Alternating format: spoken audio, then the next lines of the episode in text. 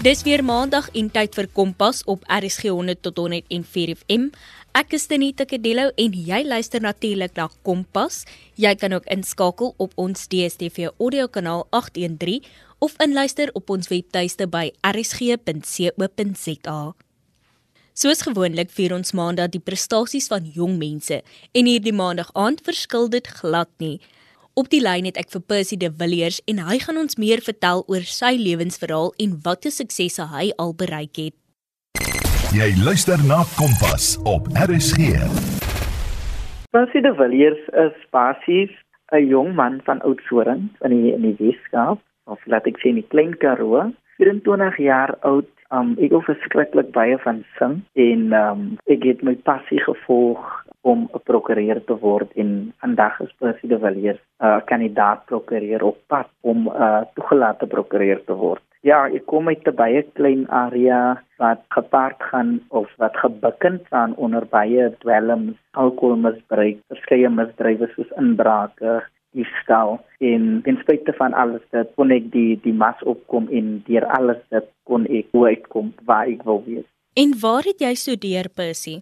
Um weet jy nie, ek het in 2014 klaar gemaak met skool. In 2015 het ek begin studeer aan die Universiteit van die Vrystaat in Bloemfontein. Dit was so 'n groot ding want ek het nooit aansoek gedoen aan die Universiteit van die Vrystaat toe nie. Ek het nooit um, gedink ek wil hier studeer. Ek het oral anders aansoek gedoen en verbasend genoeg, ek het in jaar 2014 hier kom optree by die Vryfees, Vrystaat Kunstefees en ek het besluit hoor jy dis die plek waar ek actually wil wees. Ek was kampus, ek kan alles sien, ek sien hoe die hostels en ek het toe aansoek gedoen Universiteit van die Vrystaat toe waar ek my LLB graad of dis almal om noem die Bachelor of Laws het ek verwerf hierso met honeurs.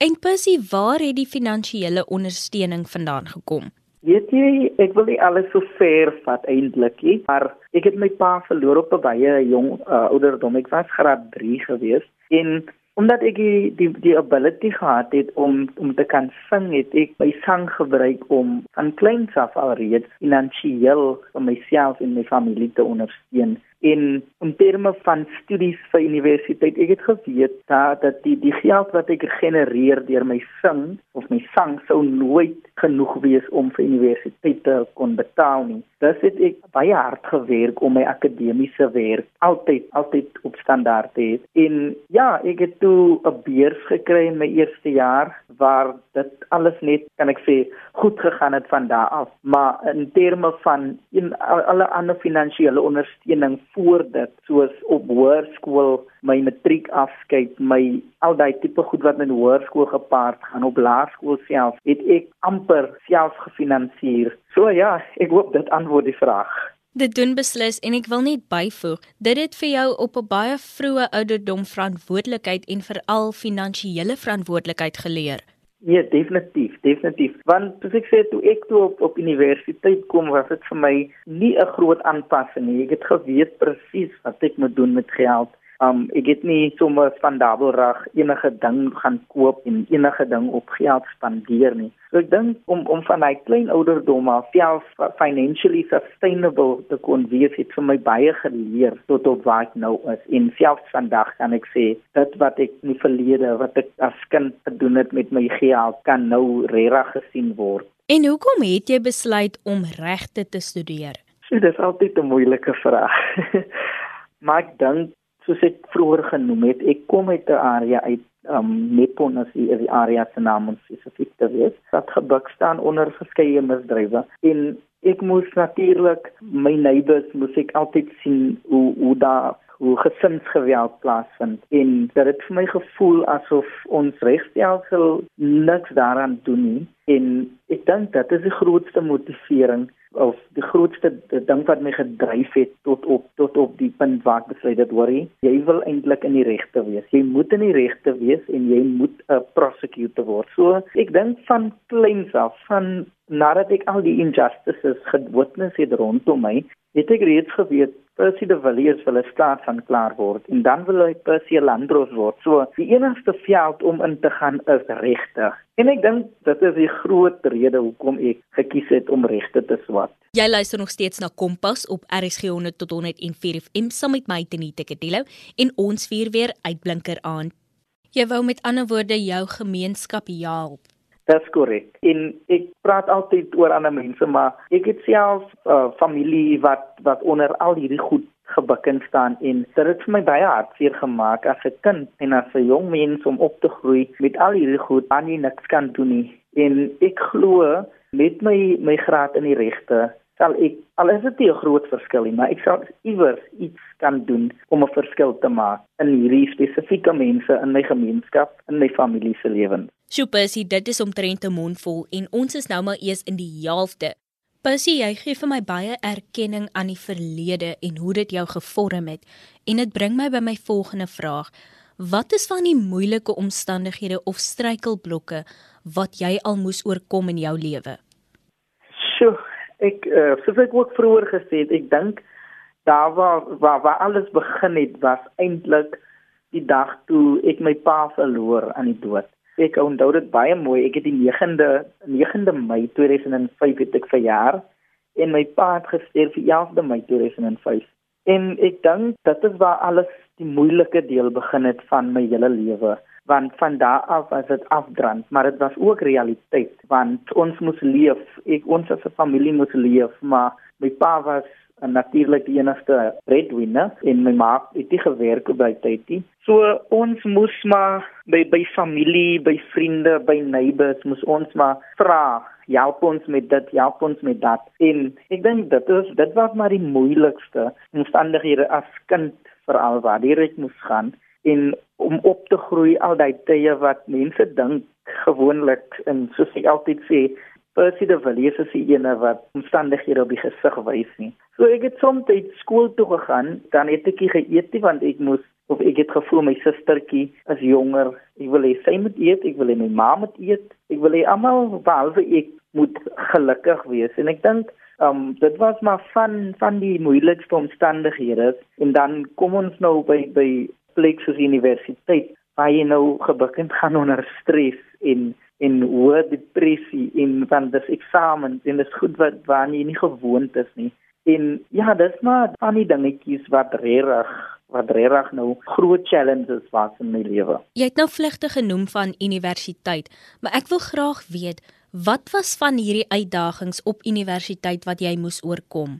van daai kan ek definitief sê is die feit dat ons almal kom universiteit toe en, en ons familie en ons vriende dink ag dis net so skool dis net 'n hoër graad dis net 'n hoër vlak van onderrig maar universiteit is so anders en dan kom jy by die punt waar jy vir 'n familielid sê hoor ek het 50% gekry in my toets en die familielid sê ja hy swak maar niemand verstaan hoe jy actually by die 50% uitgekom het. Jy want op die einde van die dag op universiteit gaan dit net oor die slag. En ek kan definitief sê die die aanpassing, jy bly saam met 'n roommate wat byvoorbeeld nie jou taal praat nie, jou taal praat nie. So dis een van die die challenges wat jy moet face as 'n student. Jy kom in die klas, jy hier was in Afrikaanse skool, jy doen nou alles in Engels. Dit dit is maar van die die challenges wat 'n mens op universiteit kry en dan obviously die groot ene van al finansiële probleme want ten spyte van die feit dat jy 'n beurs kry jy kry 'n beurs die beurs is nooit genoeg om jou maandelikse expenses te dek nie want Plexus Bloemfontein is bietjie duur ekonomies so dit was altyd 'n probleem geweest. Ek moes altyd sê dit en dit mami dit of moes by my tannies of by my niggies. En selfs ek het selfs my singery of die die musiek het ek hier in Bloemfontein toe verder gevat. Deur te sê okay, naweke kan ek gaan werk as 'n MC of ek kan bietjie gaan sing by 'n wedding en dan verdien ek so ekstra geldjies. Maar dis nou onder andere die die paar goedjies wat nou regtig. Sjoe, varsity is not is not a playing field that ek sou sê. Ja, nee, definitief nie. En ek wil gou by jou weet, jy het vroeër genoem dat jy is van Oudtshoorn en toe jy gaan studeer in Bloemfontein. Hoe was die aanpassing? Ehm, um, sjoe. Ja, al wat ek kan sê van daai twee is Oudtshoorn ons almal weet dit is een van die warmste plekke in Suid-Afrika en Bloemfontein is nou nie so warm nie. Maar ek dink die groot ding was ek was so gewoond aan aan die klein dorpie en as jy nou in 'n taxi klim jy is nou by die in die dorp of whatever. Maar toe kom ek in Bloemfontein en vind uit wow, hierdie plek is amper 3 keer so groot soos Oudtshoorn. En ek dink dit was maar groot aanpassing, maar wat baie goed was en ek dink wat baie goed gaan wees vir ander studente ook wat van klein dorpies afkom, is om te begin by kampus, om op kampus te bly om eers daai environment te familiar of met jouself te familiarize met daai um, omgewing voordat jy nou buite toe trek en jy weet nie waar toe nie. So, ek dink die die klein plekkie en die groot stad is dis dis maar die groot challenge gewees dat jy moet net daai daai klein dorpie mentality basically uit jou uitkry en sê worry ek het nou groter skoene om te vul. En dan kom ons natuurlik by die lekker gedeelte. Wat was van die hoogtepunte in jou lewe tot dusver? Oeh. Ja, ek dink dit is nog al 'n goeie goeie vraag want meeste van dit het maar in my in my jonger jare gebeur en dit het meer gegaan oor my musiek en oor die feit dat ek kon sing. So ek dink die hoogtepunte soos wat ek net letterlik vinnig aan kan dink is om byvoorbeeld op te kon tree by die um vrylating of die herdenking van Nelson Mandela se vrylating.